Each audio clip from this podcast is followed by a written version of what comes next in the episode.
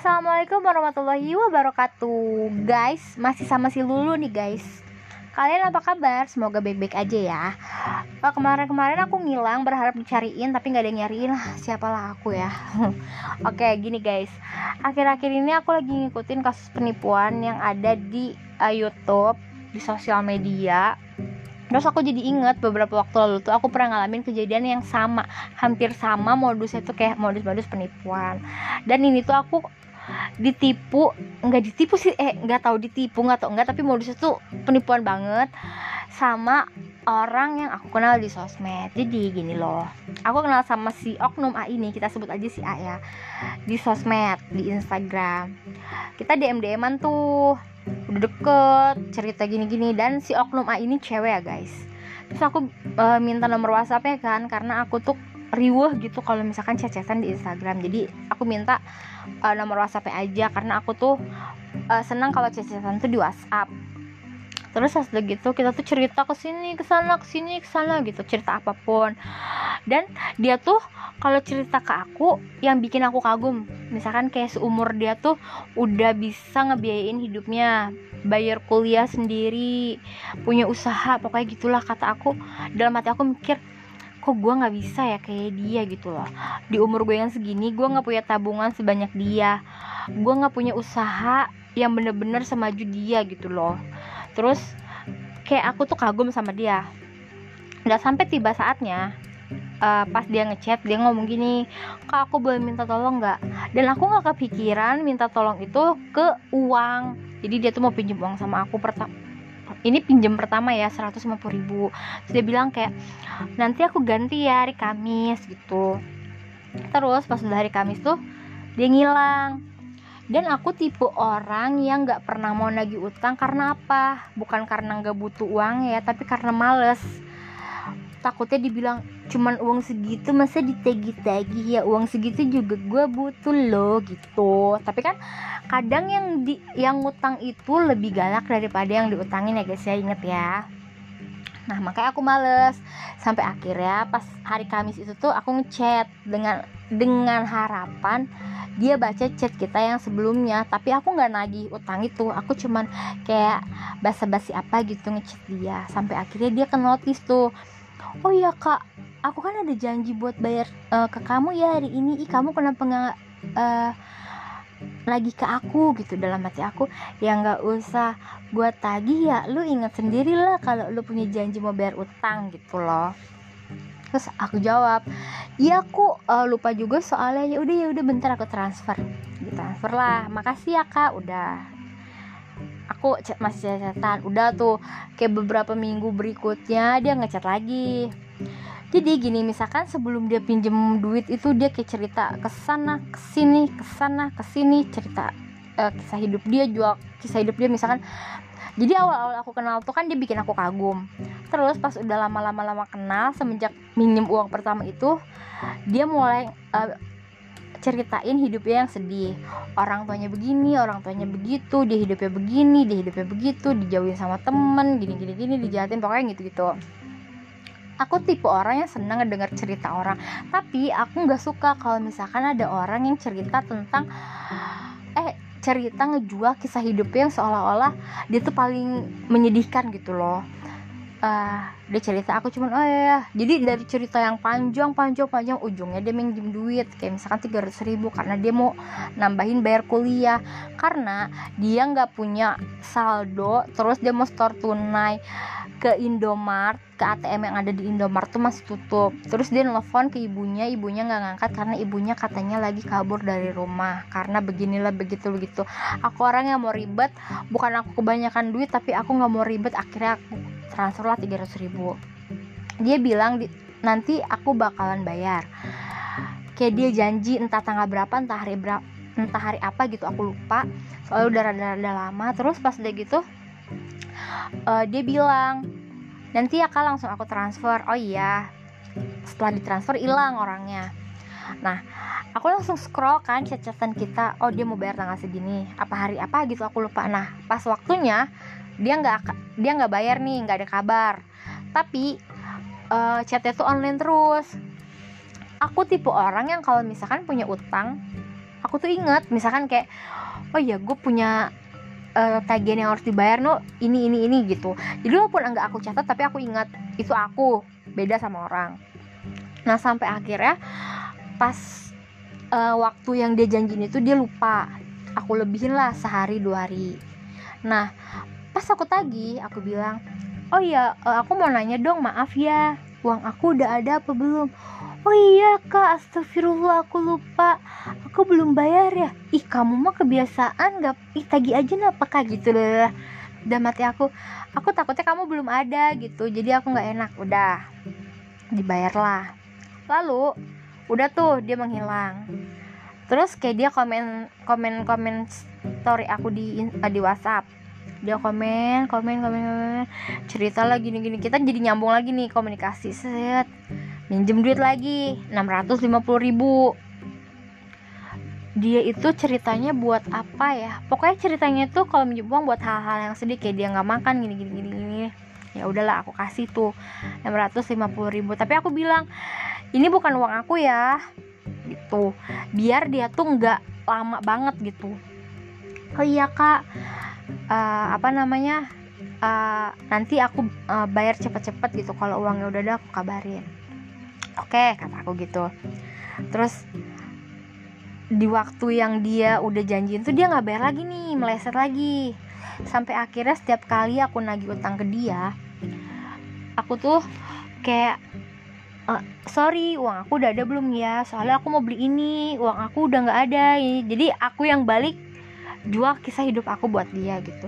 Salah aku sih udah berkali-kali uh, dia minjem duit tapi masih aku kasih padahal aku tahu dia tuh bayar kayak gitu. Nah sampai akhirnya dia minjem uang gede banget. Dia cerita ini tuh cerita complicated menurut aku complicated. Keluarga begini lah ibu ibunya begini bapaknya begini dia nggak punya teman dia ini dia itu pokoknya pusing. Aku tipe orang yang nggak mau pusing gitu loh. Dan dia minjem uang ke aku itu pertama 3 juta lalu yang kedua itu oh 2 juta. Ya 2 juta. Udah gitu jadi 5 juta kan total. Apa yang kedua itu 1,5 ya? Pokoknya lebih dari 4 juta aku lupa. Dia bilang mau dicicil selama enam kali. So aku bilang ya udah kalau mau dicicil sama enam kali. Uh, maaf ya kak aku jadi ngerepotin. Nah dia tuh minjem uang gede gini karena dia itu punya usaha sama temannya join. Terus dia kan buka PO apaan gitu aku lupa deh. Nah PO ini uang itu kan yang siang beli-belinya itu udah transfer uang ke dia.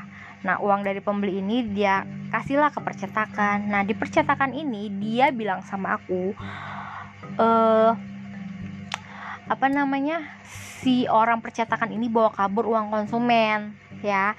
Jadi barang dia nggak ada uangnya nggak ada. Akhirnya dia harus cari modal buat ngegantiin uang customer customer dia yang udah transfer sebagian DP terus dia bikin ke percetakan lain tapi dia bingung minjemnya ke mana? Aku bilang dong ya udah minjem aja uh, bilang aja ke orang tua kamu kalau kamu emang ada masalah soal keuangan. Tapi dia bilang orang tua aku mana peduli kak? Soalnya dia aja gini gini gini gini gini, gini gitu lah pokoknya ngejelek-jelekin orang tuanya. Kok dalam hati aku ya kok ada ya orang tua kayak gitu gitu? Sejat jati orang tua nggak akan mungkin kayak gitu. Gitu loh. Aku percaya aja. Tapi aku udah rada-rada curiga nih kok gini ya? Nah udah sampai akhirnya aku pinjemin uang dia kan cicil enam kali janjinya yang cicil pertama sebelum tanggalnya dia udah transfer kayak misalkan harus dia transfer tanggal 5 tanggal 3 udah transfer kataku oh meyakinkan nih Nah, di bulan kedua udah rada-rada molor nih.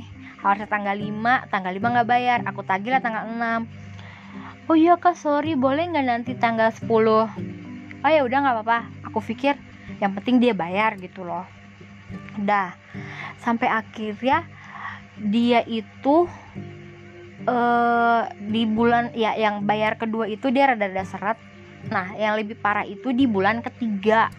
Di bulan ketiga jadi setiap kali aku nagih nih modusnya sama aku tuh nagih ke dia seolah-olah gue yang punya duit gitu loh maksudnya uh, sorry uang udah ada belum ya? Soalnya aku belum bayar ini. Soalnya ibu aku mobilnya. Pokoknya aku pun bikin ceritanya seolah-olah nih gue nggak punya duit gitu loh. Gue butuh duit dari lu. Nah sampai akhirnya dia baik eh dia ngomong gini eh WhatsAppnya itu checklist satu. Checklist satu nih WhatsAppnya. Karena kan ada orang yang biasanya nggak nyalain data itu misalkan malam ke pagi gitu. Jadi malamnya itu matiin pagi baru on lagi kan. Aku selalu berpikir gitu. Maksudnya aku nggak mau aku panik sendiri. Aku nggak mau aku bersuuzon sendiri gitu. Jadi nyapi nyapin diri aku sampai akhirnya uh, masih checklist satu checklist satu.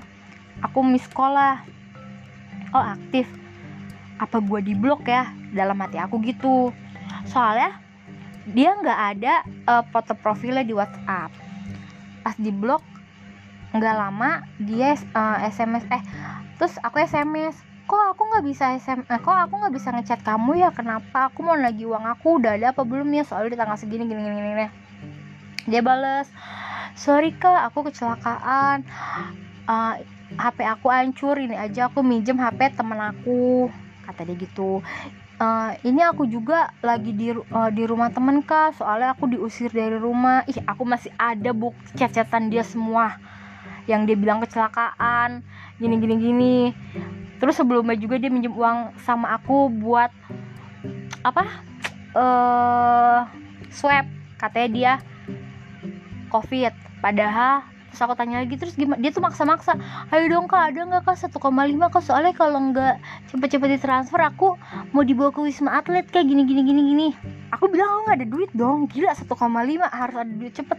Emangnya gue apaan gitu loh? Maksudnya selalu ada uang segitu banyak walaupun ada aku pasti mikir-mikir dong buat apaan gue ngasih terus ke lu? Gitu. Aku udah mulai kesel saat itu.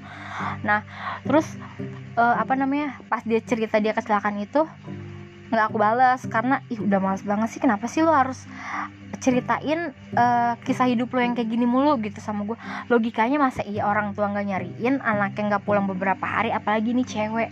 Terus anaknya kecelakaan HP hancur berarti kan itu kecelakaannya kencang banget. Terus dia bilang ini aku ada uang 500 ribu dulu. Nanti sisanya ditransfer sore boleh nggak? Soalnya aku harus buka jahitan. Ini aja aku minjem uang uang sama teman aku kak gitu. Nggak aku balas smsnya udah tuh aku diem. Uh, sampai akhirnya dia telepon telepon gak aku angkat. Aku udah males terus tiba-tiba dia ngirim aku udah transfer kak. Coba kak cek mutasi gitu. Uh, terus dia uh, apa namanya terus nggak aku balas tuh udah kan dia itu bulan ketiga masih ada tiga bulan lagi dong. Nah ternyata sampai akhirnya aku ketemu emang Allah tuh baik. Aku ketemu sama orang-orang yang ternyata korban dia juga. Jadi selain aku ada orang yang dia pinjemin, yang dia pinjem namanya buat pinjol, yang dia pakai alamat orang buat pinjol, yang dia jual barang tapi barangnya rusak terus mau balikin uangnya tapi bertele-tele sampai lama gitu terus dia ngejelekin si A ke si B, si B ke si C, pokoknya gitu. Ternyata di luar sana tuh banyak korban dia dan aku nggak tahu sampai akhir ya satu hari ada yang ngechat aku malam-malam sekitar jam setengah satu setengah satu setengah satu malam. Terus aku tipe orang yang takut buat uh, respon nomor yang nggak aku kenal karena sebelum ini nomor aku pernah dijadiin pinjaman buat pinjaman online sama temen aku yang aku sendiri nggak tahu nomor HP temen aku tuh berapa karena HP aku rusak.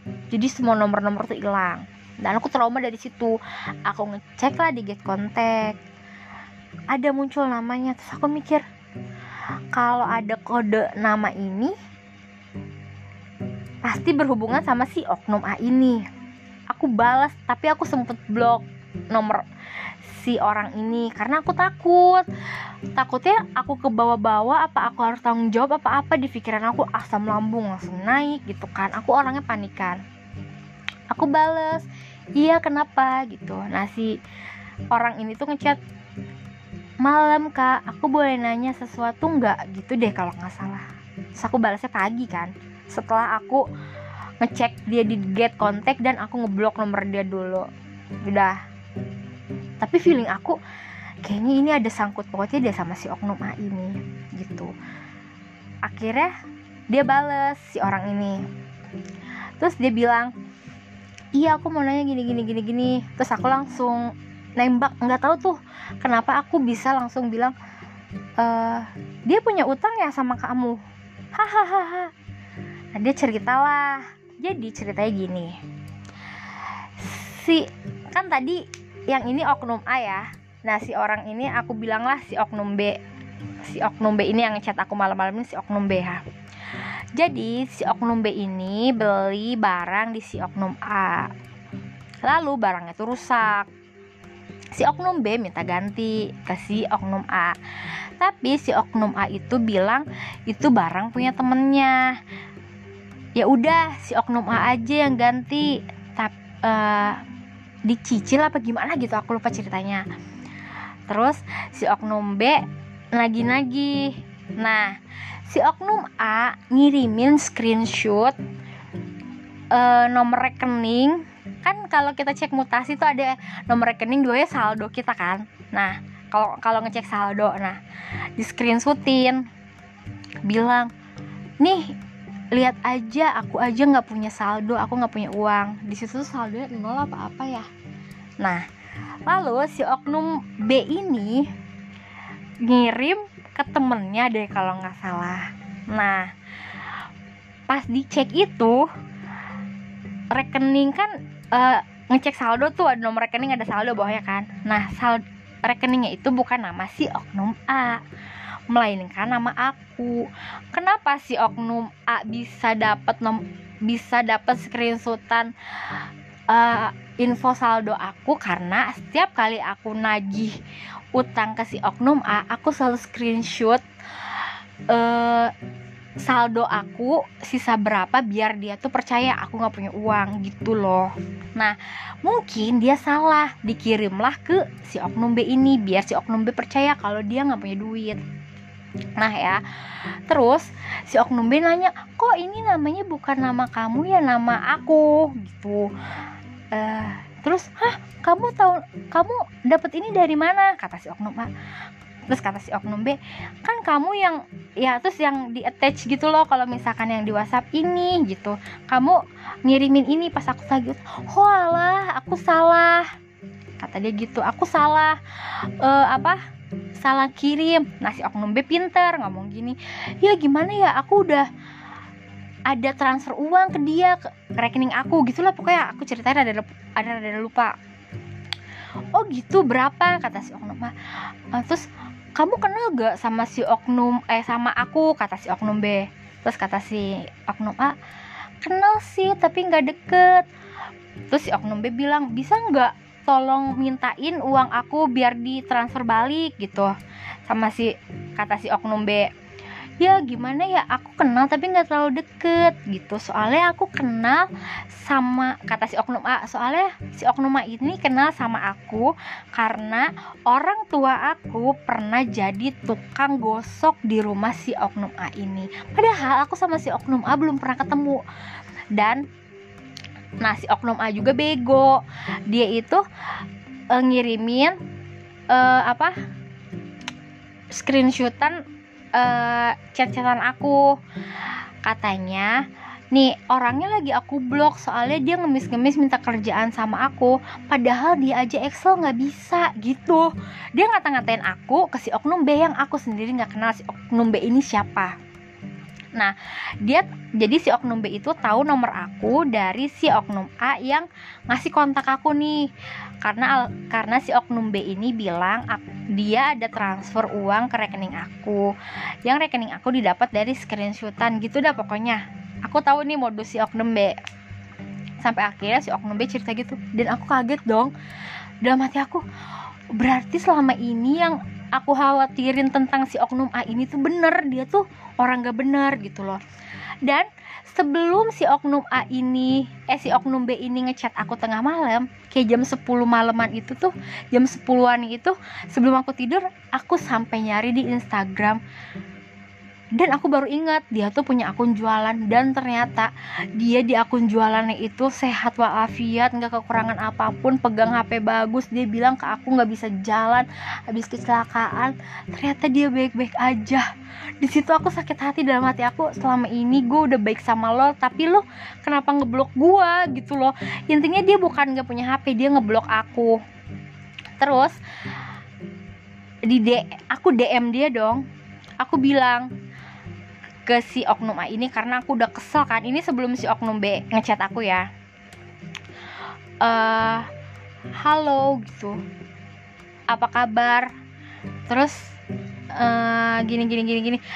Aku bilang ke dia kalau kalau misalkan nggak ada uang tuh bilang aja. Nggak usah bilang ini nggak bisa ulang itu nggak usah bilang ini nggak usah bilang itu. Aku bilang itu aku ungkapin ini. Terus dia balas ya ampun kak ya Allah masa iya aku bohong gitu. Dia itu ngerasa aku tuh marah karena aku nonton dia nonton konser apa-apa dia cerita ke si oknum A itu pokoknya dia ngejagakin aku. Padahal aku nggak suka misalkan gini nggak punya uang tuh bilang kalau misalkan ngutang nggak punya uang tuh bilang jangan alasan kecelakaan dia sakit kelenjar getah bening dia mau di swab gitu jangan gitu. Maksud aku kalau ngutang itu kan sistemnya kepercayaan jadi ya udah lo ngomong jujur aja aku juga pasti bakalan oh ya udah nggak apa-apa nggak akan mungkin aku maksa-maksa dia buat bayar utang kalau dia lagi nggak ada. Dan ternyata si oknum B ini cerita dia itu banyak masalahnya ngejelekin orang ini. Sampai akhirnya aku sama si oknum B ini dimasukinlah ke satu grup WhatsApp dan itu tuh korban-korban dia semua di grup WhatsApp itu aku baru tahu dia itu begini begitu dari di grup WhatsApp ini. Jadi apa yang diomongin si A tentang hidupnya yang orang tuanya begini orang tuanya itu tuh bohong. Itu tuh trik dia buat nipu orang-orang biar kasihan sama dia. Terus dia nyeritain kejelekan orang lain ke orang lain juga. Misalkan gini eh lo kenal si A nggak? Eh si A gini tau. Dia tuh gini nah terus dia ketemu si B. Dia nyeritain eh tahu gak? Si ini tuh begini. Si gitu. Jadi dia tuh ada di satu komunitas ya komunitas gede banget gitu loh. Pasti kalian tahu kalau aku nyebutin ini. Tapi aku nggak mau nyebutin karena aku takut. Terus pas udah gitu jadi kita tuh sama-sama ngejebak si A ini nih. Jadi di grup ini tuh ada yang nyelesain masalah keuangan kita. Jadi utang-utang kita tuh harus dibayar pokoknya sama dia apa pun caranya. Jadi uh, sampai akhirnya kita ngehubungin si orang tua si oknum A ini. Jadi ceritain lah gini gini gini gini gini gini gini. Sampai akhirnya si oknum A itu di spill sama yang ada di grup WhatsApp ini. Gini gini gini gini. Dia tuh gini gini, gini. seru sih aku pas ngelihatnya itu. Tapi si oknum A itu playing victim guys dia bikin dia cerita misalkan uh, dia kan udah dimusuhin nih sama sama orang yang dia kenal. Dia cerita ke orang lain lagi dia tuh difitnah gini. Jadi dia bilang ke orang lain kalau dia tuh difitnah. Sebenarnya nggak kayak gitu. Nggak apa-apa sih kalau misalkan nggak mau temenan sama aku gitu nggak apa-apa pokoknya dia cerita yang gitu-gitu biar orang kasihan. Dan ternyata si orang yang dia ceritain itu pun udah tahu kebusukan dia gimana cuman dia pura-pura nahan. Terus dia ngadu gitu ke grup kita pokoknya seru banget deh itu. Nah sampai akhirnya utang semua itu dilunasin tuh tapi nggak langsung jadi bertahap. Ke aku sisa 900 ribu udah beres. Terus ke temen yang yang ada di grup itu udah beres. Ada dua orang udah beres semua dan Isia tuh pokoknya dia fitnah temen usahanya sebenarnya. Gitu deh pokoknya ribet kalau aku cerita tuh ya. Tapi ini tuh seru sebenarnya kalau diceritain lengkap. Gak akan waktunya tuh gak akan cukup sejam dua jam. Bahkan lebih dari tiga jam mungkin kalau aku jadi ini podcast. Sampai akhirnya uh, apa namanya utang-utang yang dia pinjam. Jadi gini dia pinjam uang sama aku. Dia bilangnya buat misalkan buat uh, bayar percetakan. Ternyata uang yang dari aku itu ditransfer ke temennya guys. Ke yang ada di grup WhatsApp itu. Jadi aku pernah lagi utang ke dia kan. Terus dia bilang gini nikah screenshotan dari temen aku. Gajinya di pending gitu. Aku juga nungguin lama banget. Ternyata sebelumnya dia ngechat ke yang ada di grup WhatsApp itu tuh. Dia minta kata yang anggota grup WhatsApp itu dia bilang gini eh eh kata si grup A eh kata si oknum A. Kamu bisa gak chat aku gini? Nanti aku balasnya gini ya gitu. Nah yang dia briefing orang ini tuh dihapus tuh sama dia di WhatsApp. Dikirim ke aku yang cuman gini iya kak belum masuk nih gajinya. Haduh mana aku bayar cicilan gitu doang. Sejahat itu loh guys. Parah. Dan aku cuman hah? Ya ampun gue nggak nyangka loh dia sampai kayak gini gitu loh. Karena aku yang aku tahu dia tuh orangnya baik. Satu baik yang kedua itu pekerja keras. Jadi aku nggak kepikiran dia bakalan nipu begini begitu gitu loh guys. Lalu dia itu beli alat-alat medis di Shopee buat difoto ngirim pap ke orang gitu. Seolah-olah dia lagi diinfus lemes. Taunya dia beli di Shopee segila itu tau gak? Kayak hah kepikiran banget ini orang gitu loh ya ampun. Sampai ah gila. Kayak terencana kayak profesional pokoknya sumpah parah banget. Ini tuh parah banget dia tuh. Anak sekecil ini bisa nyusun strategi yang dia pura-pura sakit dia pura-pura jadi dia bilang ke temen aku eh yang di grup kita sebut aja grup aslam ya guys. Grup aslam ini anggota dari grup aslam ini dia itu sakit apa? Sedang eh leukemia dari dulu. Terus dia bilang ke aku tuh eh, kelenjar getah bening terus covid. Terus covid berulang-ulang kali. Pokoknya dia tuh selalu uh, cerita tentang penyakit penyakit penyakit. Dalam hati aku kaget takut apa ya lo? Kalau suatu saat Allah ngabulin omongan lo terus lo sakit gitu. Sakit sakit yang lo ceritain ke orang-orang sebenarnya tuh nggak punya penyakit itu gitu loh. Dah. Terus kita tuh di grup aslam ini kita tuh ketawa-ketawa guys. Ngetawain kelakuan si oknum A ini. Jadi si oknum A ini sempet dia ngomong ke aku gini kak kakak nge unfollow akun dia uh, kak kakak ngefollow akun aku yang satu lagi nggak? Terus aku bilang kenapa? Ya soalnya akun aku di uh, di hack kan sama orang? Kakak unfollow balik aja ya. Aku nggak ada waktu buat gitu-gitu gitu loh. Aku sampai nggak ngeh. Ternyata aku bukannya di akun dia nggak di hack tapi dia itu nge-remove aku dari followers dia. Jadi aku udah nggak bisa ngelihat dia karena akunnya dikunci kan waktu itu aku percaya ternyata di akun itu tuh dia pakai buat upload keseharian dia yang dia nonton konser dia jajan ini jajan itu. Gila. Aku bilang ini orang canggih banget profesional banget gitu loh. Nggak nyangka dan aku nggak pernah berpikiran orang ini bakal sejat itu sama aku. Sampai akhirnya aku bilang oh ya di grup aslam ini sampai dia ada yang sampai ke psikolog. Karena diomongin yang macam-macam sama si oknum ini. Kan kita tahu ya guys mental orang tuh beda-beda. Mental aku begini. Belum tentu orang lain yang mungkin diperlakuin sama kayak aku oleh si oknum ini bakalan ngerasa gue tuh baik-baik aja. Nggak akan gitu. Pasti bakal ada yang mentalnya keganggu apa gimana apalagi kalau diomongin yang nggak bener. Aku aja yang diomongin aku anak pembantu dia aja aku sakit hati. Aku sampai cerita ke ibu aku ibu aku sakit hati. Cuman aku berpikir oh ya udahlah gitu. Gue mau marah-marah gimana juga ya udahlah yang penting duit gue balik gitu loh. Dan dia tuh pinter banget putar balikin fakta sampai sekarang nih guys. Bener-bener sampai sekarang masih ada debt collector dari pinjol datang ke alamat rumahnya si member dari grup Aslam ini. Nagih utang atas nama si oknum A. Gila nggak? Dia minjem dia jadi uh, dia pinjem pinjaman online pakai alamat orang lain guys. Kayak serem banget di sini orang? Ih, pokoknya nih ya karena aku ber, aku dapat pengalaman ini tuh jadi aku jadi lebih hati-hati sama orang. Nggak mau ngasih nomor uh, eh, HP sembarangan ke orang terus aku jadi nggak mau terlalu dekat sama orang karena aku belajar dari hal ini. Aku nggak mau kecolongan lagi soal uang soal kepercayaan dan kepercayaan itu sih yang bikin aku kayak gue udah percaya sama lo tapi lo kayak gini kenapa lo jahat banget sama gue padahal gue nggak sama sekali pengen ngejahatin lo gue nolongin lo karena ya udah gue pengen nolong tapi dia malah ceritain aku anak pembantunya padahal aku sama sekali nggak pernah ke rumah dia aku belum aku belum pernah ke rumah dia aku nggak tahu rumah dia di mana guys tapi dia cerita ke orang tuh kayak gitu. Aku cuman ya allah ya udahlah.